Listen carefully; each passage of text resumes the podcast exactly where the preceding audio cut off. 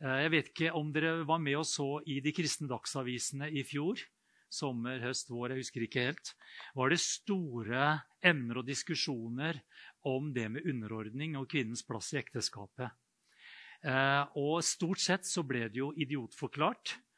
Eh, man tok å misforstå grunnteksten, og det var vi må forstå det i forhold til kultur og samtid og du vet alle disse tinga som, eh, som ligger i det. Ehm, og eh, det er en fight, altså, på, på Guds ordninger og Guds forordninger i den tida som vi lever i. Og hvorfor Hvorfor er det det? Fordi at I Jesaja 14 så kan vi lese om djevelen som det første han gjorde, og som var grunnen for at han ble kasta ut av himmelen, det var at han gjorde opprør mot Guds ordninger.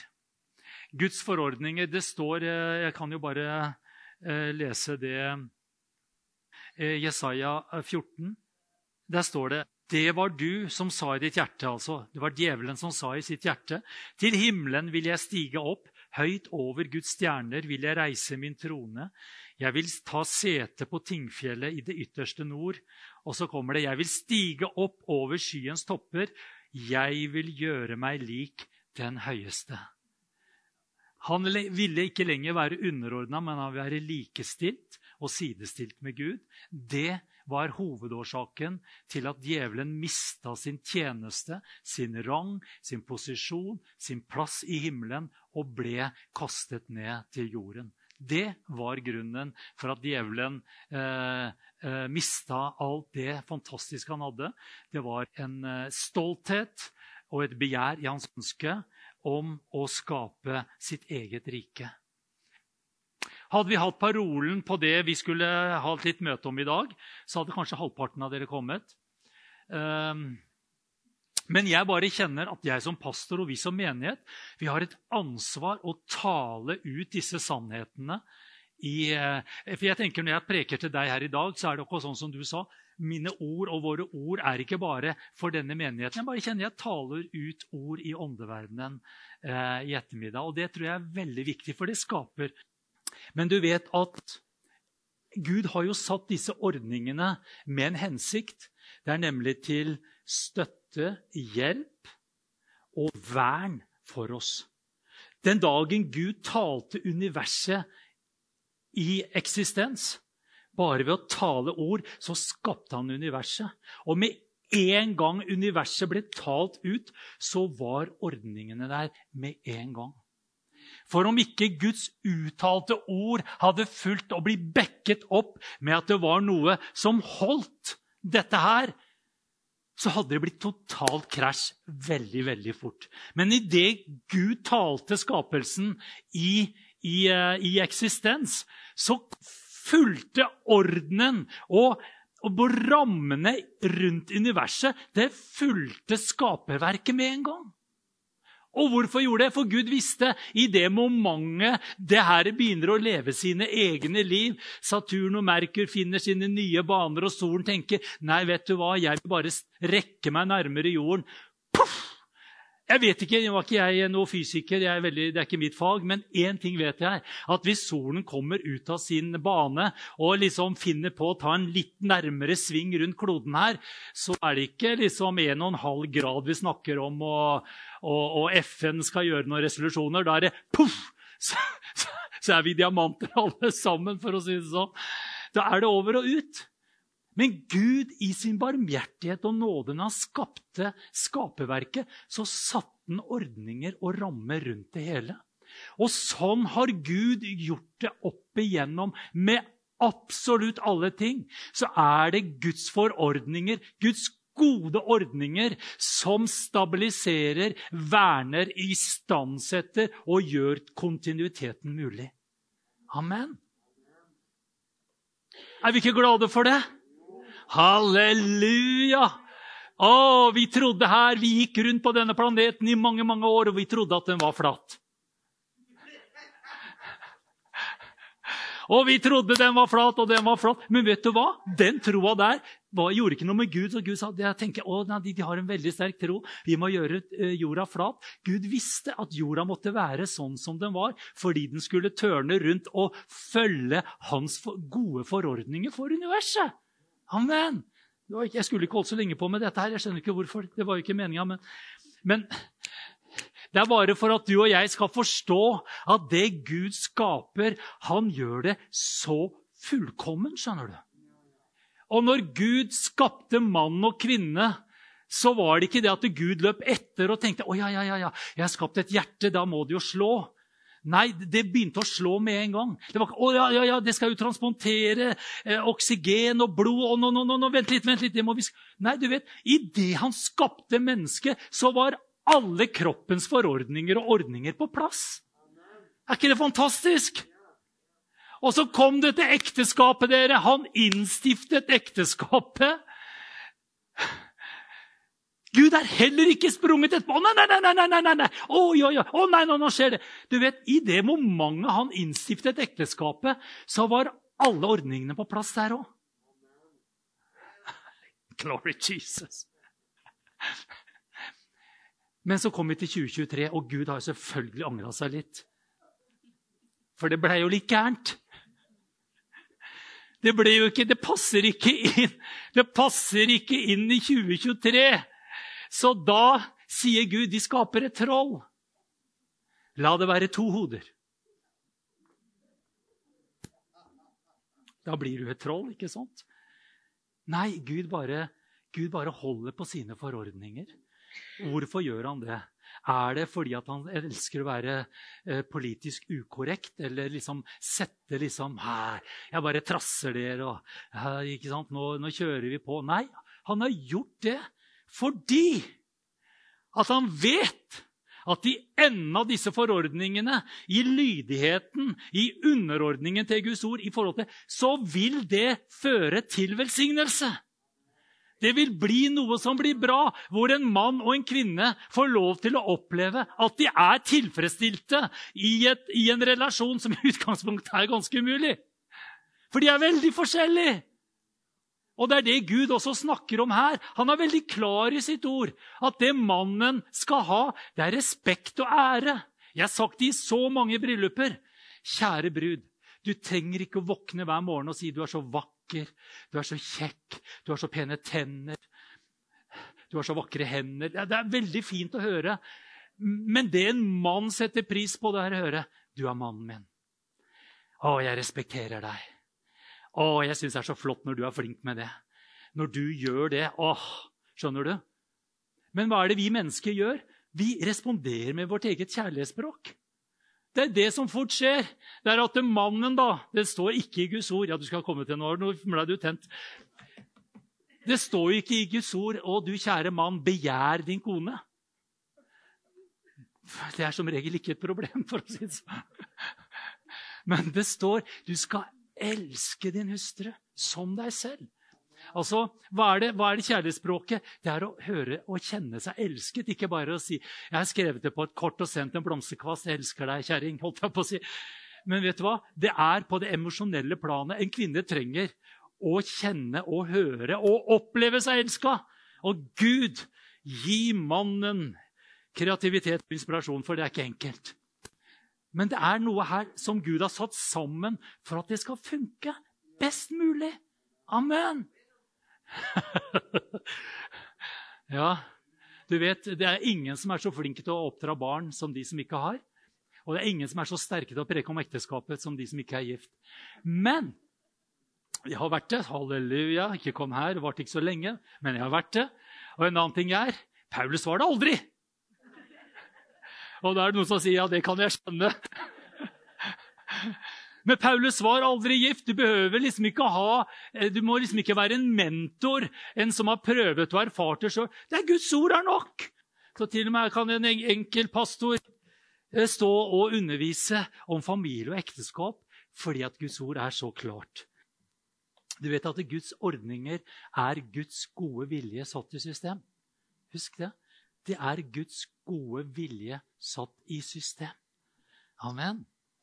Eh, Og så er det jo dessverre sånn, for enkelte av oss kan tenke, det fins ingen snarveier på det området her. Gud gjør ingen unntak og shortcuts for å omgå eller unngå det. Det er bare én vei. Ja, men det er Guds nåde. Ja, Guds nåde er der for å istandsette deg og meg til å gå den veien, sånn at vi kan leve midt i Guds ordninger. For det klarer vi ikke i egen kraft. Jeg klarer ikke det med mitt liv. Eh, og jeg skal eh, også, hvis jeg får tid, dele noe av det som, eh, som jeg personlig har møtt på når det gjelder det med, med Guds ordninger, det å underordne seg, det å ta i tur med opprør som så lett Altså konsekvensen av å ikke følge Guds ordninger blir, som djevelen opplevde også, det blir opprør. Det er konsekvensen av det. Hvor mange av dere er det som har hørt om Joyce Mayer? Så mange? Var det så mange?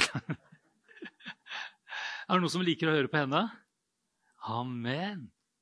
Eh, har dere hørt historien hennes også? ikke sant? Den er jo ikke bare dans på røde roser.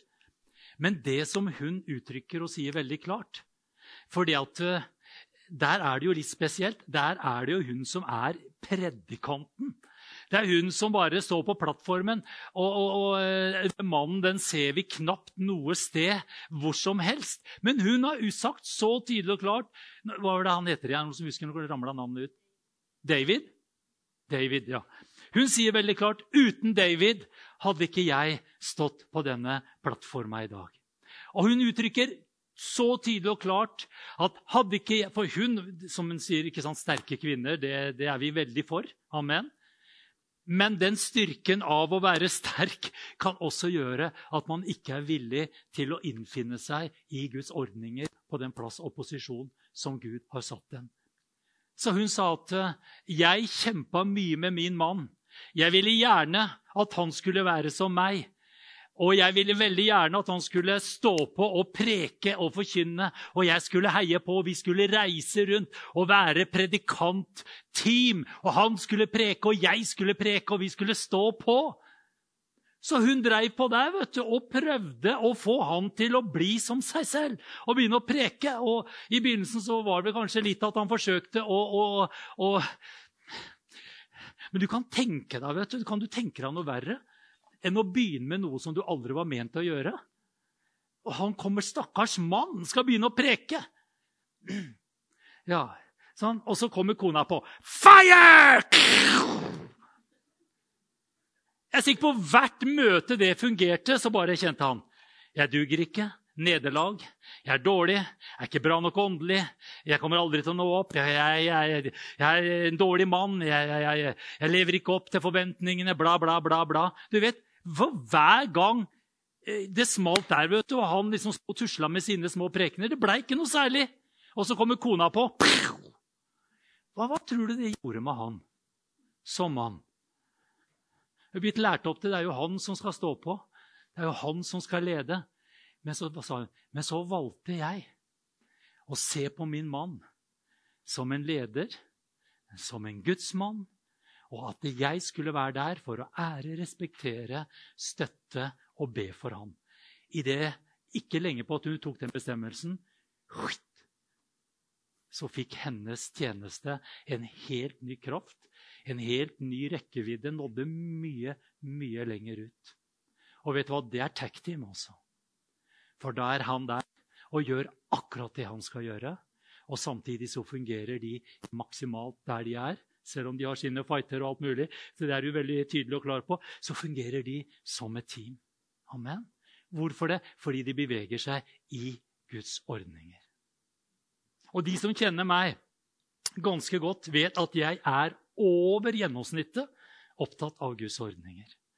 Og det er ikke nødvendigvis eh, det med mann og kvinne, men jeg er opptatt av Guds ordninger på alle plan. Det er veldig viktig for meg, for jeg vet at Gud kommer ikke og velsigner noe som han ikke allerede har skapt og innsatt. For eksempel når vi fikk forespørsel om å gå inn i et større menighetsnettverk, så er det veldig viktig for meg som pastor og leder her å vite hva innebærer det å gå inn i det nettverket. Hva er det som ansvarliggjør oss, og hva er det med autoriteten vi sier ifra oss, eller autoriteten vi legger oss under? Det måtte jeg vite veldig tydelig og klart. For i det momentet jeg og tok med, og vi sammen valgte som menighet å gå inn i dette, og vi ikke visste hvilke rammer er det vi nå går under Så plutselig så kommer det og sier at eh, nei, eh, dere har misjonsarbeid i Kenya. Så, nei, men det var vårt misjonsarbeid som eh, Vårt misjonsarbeid er nå deres misjonsarbeid. Ja Nei, men det tror jeg ikke helt vi uh, Nei, vi, vi, har, vi, kjenner deg, Gud. Amen. Å, vi kjenner deg, Gud. Men vet du hva? Da har vi valgt å gå inn i en eksisterende ordning. Vi har frasagt oss visse rettigheter, vi har fått visse velsignelser. Vi må vite hva det innebærer. Fordi om at Jarl og jeg kunne tenke å, Afrika, Indonesia, Filippinene Og de sier nei, det er India, det er Kina så bare tenker jeg Nei, men Gud har sagt Du vet, Uten å ville det og mene det, vet du hva vi gjør? Vi kommer i opprør mot noe som vi er lagt under. Her er bare et eksempel. Jeg bare prøver å forklare dere hvor viktig det er. Hva er det som skjer da? Guds velsignelser, Guds autoritet og Guds kraft, det blir ikke der. Vi kan si ja, men Gud har talt. Jo, men vi har valgt å gå inn i noe som er som gjør at vi må underordne oss et eller annet. Derfor så er det også med ekteskap. Man bør virkelig vite hva man gjør, hva man innordner, og hva man underordner seg når det gjelder eh, ekteskapet. Bare kort innpå det med, med David. Jeg sitter og koser meg nå i helga med historien om David. Og det som jeg syns er fantastisk med David, det er å se hvor opptatt han var av Guds ordninger, av Guds timing. Eh, David, han eh, Han eh, ble jo da av Samuel salva til konge. Det som var veldig spesielt, det var at det allerede var salvet en konge før David. Hans navn var Saul. Og så, kommer, og så gjør Saul sine, sine, ting, og jeg skal ikke gå inn på historien, men han blir forkasta av Gud. Og Samuel får i oppdrag å salve en annen til konge for Israel, og det blir David. Jeg tenker, Tenk at der kommer David, blir salva av Samuel. Vet at det er Saul som også er salva til konge, og som regjerer som konge. Så tenker jeg, hvilket dilemma! Hvilket dilemma! Jeg er salva til konge. Jeg er salva til konge. Hvem bestemmer? Men der var David så tydelig og klar. Og vet du hva vi kan se det? Altså, Misunnelsen som Saul merka jo at Guds ånd var over David. Han merka at når de damene sang vet du, at Saul slo sine tusener og David sine titusener, så vekte jo det den misunnelsen i, i, Saul. Så han sto jo David etter livet, prøvde å kaste spyd på han og eh, drepe han på ulike måter. Eh, og da, da, kunne jo David tatt noen veldig sterke mottrekk på det. Men vet du hva? Han valgte. Han valgte å underordne seg å si, en ugudelig konge. Enda han visste at han hadde blitt salva. Han kjente at Guds ånd var over ham. Og han hadde slått Goliat og drept Goliat også han, eh, etter at han ble salva til konge. Og så bare velger David å, å, å, å stole så på Gud. Og han får bl.a. to muligheter til å drepe Saul. Saul måtte jo da, som alle oss andre, måtte på toalettet. Finner seg en hule. Av alle ting så er eh, Davids menn. Og David i den hula. Og de mennene sier til David, 'Nå har du sjansen.' Nå har du sjansen til å ta han. Husk, du er salvet. Og så går David fram, og så skjærer han en flik av ytterkappa til, eh, til Saul. Og Så får han så dårlig samvittighet. Hva har det gjort? Og så går Saul ut av, den hula, gjort sitt fornødne. Og så roper David til, til Saul. Her, jeg beklager. Jeg, jeg eh, ber om tilgivelse for det jeg har gjort. Alle de andre mente men nå kunne du tatt den. Han har prøvd å tatt deg så mange ganger. Du er salva til konge, David! Kjør på! Han får en mulighet til. Saul har slått leir, lagt seg for kvelden. Ved siden av ham så står spydet hans og vannkrukka. David og en av hans medarbeidere går inn, tar spydet til Saul, tar vannkrukka og går ut. Og da sier han, eh, han eh, som går sammen med David, nå tar du bare spydet, David, og så kjører du gjennom Saul. Og så er vi ferdig med det. Så har vi ordna opp i det en gang for alle. Men vet du hva David og Mari visste? At det som hadde skjedd med Saul, det var at han hadde blitt salvet. Jeg vil si, han hadde fått et, en tjeneste. Han hadde blitt avskilt for en hellig handling. Og han sa hele tida 'Herren salvede', sa han. Og Han gjorde mye rart, Saul, men bare han, altså David holdt fast på sannheten av hva Gud hadde talt og gjort. Ordningen med Saul, den fortsatte å stå. Og David sa, 'Jeg overlater den saken i Herrens hender'. Så når han hadde tatt det spydet og denne vannkroka, så ropte de inn i leiren igjen. Og Saul skjønte enda en gang. Og han, han bøyde seg og elska David og alt mulig. Men det var noe som var helt feil i Sauls liv. Og For å gjøre en lang historie kort, så vet du jo det at til slutt, da Saul døde, eh, så tok judastammen og salva David igjen til konge. Og Så begynte han å fungere, og vi vet også at han ble til slutt konge over hele Israel. Fantastisk historie. Men det som er det sterke med David, det var det at han ikke tok sin plass. Han ble gitt sin plass. Og det er en hemmelighet, skjønner du. Fordi at det som Gud har lagt i ditt og mitt liv, hvilken tjeneste det er, hva, hva, Gud har salva deg til, så er det sånn at vi bør ikke gå inn og grabbe det, eh, rive det til oss. Det er gitt oss. Og David stolte så på Gud at han tenkte jeg lar den sjansen gå fra meg, den sjansen gå fra meg, fordi han hadde en respekt for Guds ordninger. skjønner du. Og Han sa det fins ingen shortcut. Han kunne tatt den kniven i hula og stikke stikke Saul ned. Han kunne tatt spydet og stikke Saul igjennom. Men han valgte å stole på Gud og gi Guds ordninger rett. Amen. Halleluja. Og den dagen når Saul døde, og det var en som hjalp til der, så til og med det tar David tak i og sier, 'Hva er det du fant på? Du rørte og drepte Guds salvede.' Kan det være sånn at vi er urørlige og vi kan ikke ta tak i noe som er feil og gærent? Absolutt ikke. Vi kan være tydelige og klare. Mann og kone kan være tydelige og klare. Det er ikke bare sånn du sa å nei, det er bare, ja, å nei, ja, du, altså, Det er ikke det det er snakk om. Det er underkuelse. Det er ikke det det er snakk om. Absolutt ikke. Det er ikke snakk om å herske. Det er ikke snakk om å, å, å bestemme på den måten. Men det er snakk om å være team, som du snakker om. Og sånn var det med, uh, med David også. Han visste han visste at Herren salvede. Det kommer han til å være fram til den dagen han forsvinner. Amen. Du skjønner, den respekten Om vi får den respekten for Guds ordninger, dere Fordi at, det vil stå at det, når, når, den, når, de ble salva, så står det de ble annerledes.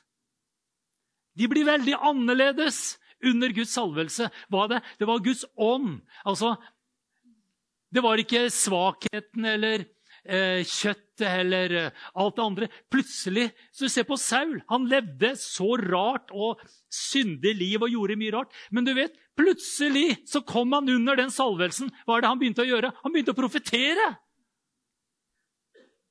Og hvorfor kunne han profetere? Fordi han var salvet, han var innsatt, han hadde autoriteten.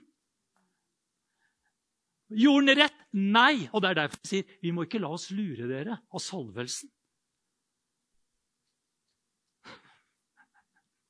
For salvelsen følger ordningene. Den følger ikke karakteren. Den følger ikke dybdene. Den følger ordningene. Til og med det står at Guds ånd vek ifra fra, fra, fra Saul. Men ordningen var der fortsatt. Mm -mm. Og jeg vet ikke om jeg får det inn, altså, men Oh, glory Jesus, help me. Det som er viktig med ordningene, det er ikke at du og jeg har først og fremst rett, men at vi gjør rett. Det må jeg ta en gang til. Det viktigste er ikke nødvendigvis å ha rett, det er bra og viktig, det òg, men det er å gjøre rett. David hadde rett, og han gjorde rett. Skjønner du? Og det ligger så dypt i oss mennesker. Jeg har rett, og nærmest så skal jeg få rett. Og nå skal jeg påse at den retten skjer fyldest. Skjønner du? Det ligger så nærme. Jeg har rett, og nå skal jeg få rett. Du kjenner deg ikke igjen, men sånn er det. Det er så viktig at vi gjør rett, og nødvendigvis lider urett. Ha respekt for Guds ordninger, dere. Du vet eh, Jeg har jo ikke alltid vært pastor her, jeg. Og det hadde jeg aldri tenkt å bli det heller, for den saks skyld. Jeg trodde jeg skulle bli misjonær i Kina all over. Eh, og så skjedde ting som det skjedde. Eh, og så var det da noen som gikk ut av en ordning som pastor, og så skulle det komme inn en ny person som skulle inn i den ordningen, som da var her ved at det var en menighet. Og jeg husker at det var ikke alle som hadde veldig trua på Runa Wold, og det skjønner jeg veldig godt, for det tror jeg hadde hatt problemer med sjøl også. For jeg kjenner den ganske godt, skjønner dere. Jeg vet om mye rart. Så jeg hadde ikke så veldig tro på det. Eh, og jeg, jeg, husker det var noen andre som fortalte hva en del andre sa om meg. Og det var når, liksom, når det kom til den setningen at det kanskje er Runar som overtar her, så var det Runar. Runar. Han går jo bare rundt og smiler og er glad. Og virker som han er liksom litt sånn Ja. En del av dere kjenner meg før jeg var pastor, og etter jeg ble pastor. Det ble en liten forskjell. Ikke fordi jeg ble annerledes, men fordi jeg sa ja, ydmyka meg og gikk inn i en ny ordning. Og Da var det noen som ikke helt skjønte, fordi at i ordningene, der finner du Gud. Der finner du Guds kraft og salvelse og visdom og hjelp i rett tid. Det gjelder i ekteskapet. Inntar du din rette posisjon, så er det et eller annet du begynner å flytte i. Og det var det jeg opplevde. At jeg smiler, og jeg er glad. Men jeg har noen andre sider, tralala, som blei litt overraskende for enkelte. For plutselig så begynte jeg å si nei. Jeg begynte å skjære igjennom, og det er ikke aktuelt. Nei, det der går vi ikke for. Og da snudde hele greia seg. Han Runar Jeg trodde ikke han var så sta og egen. Han som virka så myk og fin. Jeg syns han har blitt hard. Og det var jo selvfølgelig hver gang jeg gikk imot eller ikke ble med på det som ja. Men du vet, det som, det som, skjer, det er at eh, man blir annerledes. For det fins en, en, en, nåde og en salveolje for rette tid. Og da kan ikke jeg sitte og vente. 'Å, Gud, du må gjøre meg sterk.' du må gjøre meg... Du må gjøre... Nei, du vet, det kommer ikke før ordningen, og du er på plass i den. Kommer ikke før, skjønner du. Og da sitter det så mange og venter på når skal jeg bli den salvede lovsangeren. Når skal jeg bli den salvede evangelisten? Skal... Og Hvis Gud har kalt deg til det, det er i det momentet, sånn som du sa. Det er når du tar det steget i tro, i overgivelse, i lydighet, i åpenhet. Der kommer det. Og du blir annerledes. Nesten over natta, holdt jeg på å si. Gud kommer der og løfter deg fordi han vet at det trenger du. Og da er det ikke bare sånn 'Å ja, og da kan jeg begynne å bestemme'. Da begynner jeg å få litt makt. Vet du, Det eneste du kjenner, hvis du er oppriktig og sann i Gud, det eneste du kjenner Hvilket ansvar! Det er det eneste. Jeg husker min mor uh, fortalte meg Hun fikk tre barn. Og nå, det, nå, må det være enda mer enn Sara for at det skal komme flere. Og det håper jeg vi ikke i Jesu navn. Stakkars kvinne og mann og familie og hva det er. Men hun fortalte. Det var ikke bare sånn å, et barn, endelig skal jeg bestemme. Å, nå skal jeg virkelig få vilja mi. Å, det skal forme deg. Å, jeg skal, å, du skal bli Og, og så var ikke noe sånn det eneste hun fortalte hver gang. Hun bare kom med sånn ærbødighet. Hvilket ansvar som har blitt gitt meg. Et helt nytt menneske. Og det vet vi bare sa bare Gud, du må hjelpe meg. Gi meg visdom, Gud. Hvordan skal jeg takle dette mennesket jeg aldri har møtt? Gud i himmelen, hvilket ansvar! Det er det å gifte seg. Det er det å leve på en arbeidsplass om du er leder. Det er det å være i familien. Altså, Det er ansvar det er snakk om, skjønner du. Oi, oi, oi, jeg bare, oi, jeg bare kjenner at jeg kunne bare rent over, for jeg har så mye inni her om alt dette her. Om menn som, eh, som ikke tar sin plass og posisjon. Kvinner som forsøker å erstatte det med sin åndelighet osv. osv. Ja! Glory Jesus. Ja, du er ikke gift, Runar. Du får bare ligge lavt i terrenget. Nei, jeg gjør ikke det. Kanskje det er derfor jeg kan si det. Jeg får ikke kjeft når jeg kommer hjem. vet du. Det du sa der, det stemmer ikke helt med hvordan du er. Når jeg kommer hjem og lukker døra, så er jeg bare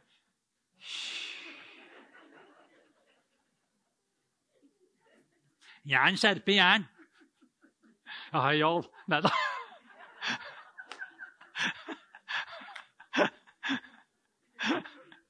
Og han er Mona. Nei, åssen var det igjen? Ja. Vet du hva? Dette her vi er inne på nå, skjønner du, det er så viktig for folk å gå rundt og er forvirra. Og denne verden er totalt forvirra. For det blir en lovløshet og et opprør fordi han ikke er villig til å underordne seg Guds lover og Guds forordninger og Guds ordninger. Og jeg skal bare si en ting. At, at vi som Guds menighet har fått lov til å være bevisst det. At vi sammen har fått tatt, så har det gjort at vi igjennom har fått tatt gode og trygge, gode beslutninger. For det er det det er snakk om. Man går inn og tar et ansvar, og så skal du føre en eh, eh, skute igjennom. Om det er ditt eget liv, om det er din tjeneste, om det er din jobb, din familie, ditt ekteskap, så fins det noe der som bare Gud kan hjelpe oss i. altså. Og du får så frimodighet fordi du bare vet at du går ikke inn og har tatt autoriteten sjøl. Du har blitt delegert. Djevelen forsøkte å opprette sin egen autoritetsordning, men alt som skjer på denne jorda, er delegert fra Gud. Jeg har fått delegert autoritet, du har fått delegert autoritet, og med det så følger det en salvelse og et ansvar. Alle vil være med å bestemme. Jeg snakka med, med, med Jeg bor i, i Telemarks største borettslag, og vi skal ha årsmøte etter onsdag. Og jeg ville ha et alvorsord med styrelederen, for jeg hadde noe på hjertet. For jeg får ikke vært der, for jeg skal være her på onsdag. Eh. Og så sier han det var så morsomt, så sier han at ja, det er så mange som mener så mye. Det er så mange som mener så mye om den saken, men ingen vil ta ansvar. Og så tenkte jeg den skal jeg bruke. I kveld! Det er mange som vil mene veldig mye. Og det er mange som vil bestemme, og det er mange som vil ha vilja si. Og det er mange som vil tenke det og drømme om det. Men gjøre det? Nei takk. Du skjønner, den ansvarsfraskrivelsen og ansvarsløsheten den gjør at Guds rike spinner på tomgang noen ganger. Det akkurat det som skjer. Fordi vi vil gjerne være med og oppleve og herlige ting. Men, det, det, det, det, kan komme i preken også. Men er vi villige til å bære smerten av det? Å gå inn og være en leder i eget liv på de områdene der Gud har satt deg. Er du villig til For det er en smerte med det. I tell you. Hva er det mannen skal gjøre? Han skal elske sin kone som han elsker seg selv. Hvilken utfordring, altså. Jeg håper å si, Hvilken smerte. For den kjærligheten, den er dyp. Det skal jeg love deg den stikker veldig dypt. Vi trenger Guds nåde og Guds kraft. Og jeg er så takknemlig for at i disse ordningene og disse forordningene Gud har gitt, så har han gitt oss den nåde og kraft og hjelp i rett tid til enhver tid. Halleluja! Vi er ikke faderløse, men vi har fått alt hva vi trenger for å kunne leve det livet maksimalt. Amen. Oi, oi, oi. Jeg vet du hva? Jeg har så mye bra her. Kan godt hende det kommer seinere. Kanskje det kommer aldri i hele evighet. Men er det noe jeg brenner for, så er det dette her. Jeg kunne gitt deg eksempler på eksempler på eksempler ut ifra mitt eget liv, ut ifra min egen tjeneste, ut ifra det jeg har erfart og prata med andre. Det faller ned på det samme. skjønner du. Jeg kan jo avslutte med det fine bibelordet. Det står i 1. Peter 5,5. Skal vi se ja, Jeg kan jo lese det som foran. Det er ikke det som er poenget her. Likeså skal dere unge underordne dere under de eldre. Og dere, skal, og, dere alle, står det, alle må ikle dere ydmykhet mot hverandre. Det blir ikke noe problem da, vet du. For Gud står den stolte imot, men de ydmyke gir Han nåde. Er det noen som ønsker å stå Gud imot? Jeg vet hva? Da er det å si ja og bøye seg inn under Guds ordninger. Å underordne seg Gud. Det er å ydmyke seg. Det er den plassen hvor du får nåde til å kunne gjennomføre det som Gud har gitt ansvaret på. Amen.